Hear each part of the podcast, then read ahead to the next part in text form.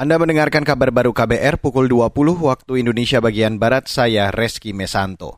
Saudara Indonesia dinilai memiliki peranan penting untuk membantu meredakan ketegangan antara Rusia dan Ukraina saat ini.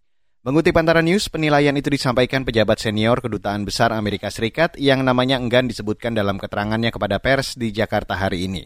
Hal itu ia sampaikan menyikapi panggilan telepon Menteri Luar Negeri Indonesia Retno Marsudi dengan Menlo Ukraina Dimtro Kuleba dan Menlu Rusia Sergei Lavrov secara terpisah 9 Februari lalu. Kata dia, Retno menyampaikan pesan perdamaian dalam sambungan telepon tersebut. Karena itu Amerika sepenuhnya setuju dan menyambut pernyataan Menlu Indonesia.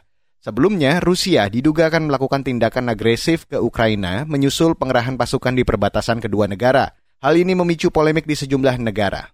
Beralih ke berita selanjutnya, Saudara. Kodam Mula Warman tahun ini akan merekrut ratusan orang warga sipil untuk menjadi komponen cadangan atau Komcat di Kalimantan Timur. Kepala Staf Komando Daerah Militer Kasdam Mula Warman, Ibnu Bintang Setiawan, mengatakan mereka yang akan direkrut akan melalui beberapa tahapan tes. Sesuai petunjuk dari Kementerian Pertahanan, kita kan harus menyiapkan 500 untuk awal ini.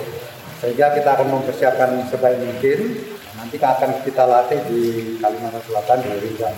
Nah, kita sudah mempersiapkan, nanti kita akan perekrutan, mungkin ada tes-tes, setelah itu ada pelatihan sesuai dengan waktu yang sudah ditentukan. Kasda Mula Warman Ibnu Bintang menambahkan perekrutan komponen masyarakat sipil itu sesuai Undang-Undang tentang Pengelolaan Sumber Daya Nasional untuk Pertahanan Negara. Ia mengklaim Komcat sebagai bagian dari upaya bela negara. Tahun ini, Kementerian Pertahanan menargetkan perekrutan 2.500 Komcat di lima wilayah, salah satunya Kalimantan Timur. Saudara tim putra bulu tangkis Indonesia melaju ke semifinal kejuaraan badminton Asia Bergu atau BATC 2022 di Selangor, Malaysia hari ini. Tim putra lolos dengan status juara grup A setelah mengalahkan tim putra India 3-2.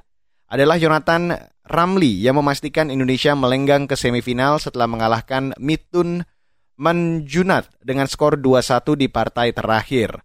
Mengutip antara news.com, pelatih ganda putra Aryono Miranat mengatakan bahwa perjuangan belum berakhir sebab masih ada laga di semifinal. Sebelumnya, tim putri Indonesia sudah terlebih dahulu memastikan tempat di semifinal juga sebagai juara grup. Pada babak berikutnya, Indonesia masih menanti calon lawan sebab undian baru akan dilaksanakan setelah pertandingan selesai pada Jumat malam. Dan saudara, demikian kabar baru saya Reski Mesanto.